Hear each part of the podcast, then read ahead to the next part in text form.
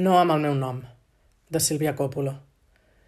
Com volen que els doni amb aquesta alegria totes les meves dades de per on em moc, a qui em trobo, on entro i d'on surto, controlada amb una app de geolocalització o qualsevol altre gadget tecnològic per a la mateixa finalitat?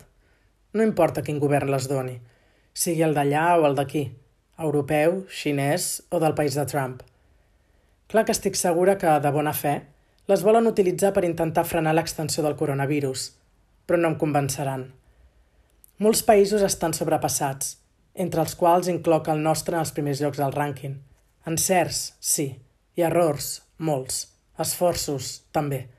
I aplaudiments per als sanitaris i per a totes les persones que posen el cos cada dia per intentar que no perdem la vida tots, des del quiosquer fins a la dependenta del súper. Però és que, ara com ara, l'única xifra que no ofereix discussió és la dels morts. Només aquesta.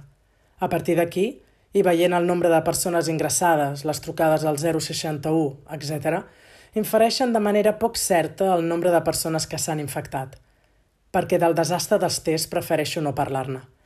Diguin-me ingènua, però quan vaig veure que fa un mes a Corea del Sud eren capaços de determinar de manera massiva si t'havies infectat en 5 minuts, amb una prova consistent en una raspadura nasal, sense sortir del cotxe, com si estiguessis esperant una pizza a l'estil americà, els juro que vaig creure que el nostre país l'establiria en un tres i no res. Vaig avalar el confinament dur en un intent de pal·liar la situació mentre no ens arribava aquesta informació, els tests. Però ja no. Ara, el primer que els demano és que tinguin el diagnòstic clar de la situació poblacional, ja que, d'una altra manera, totes les mesures que es prenen són pur assaig i error. A veure si, amb els ulls embanats, més o menys l'encertem. El negoci del segle XXI és el de les dades – la llei ens protegeix. Gràcies.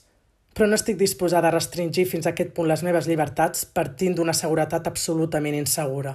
No amb el meu nom.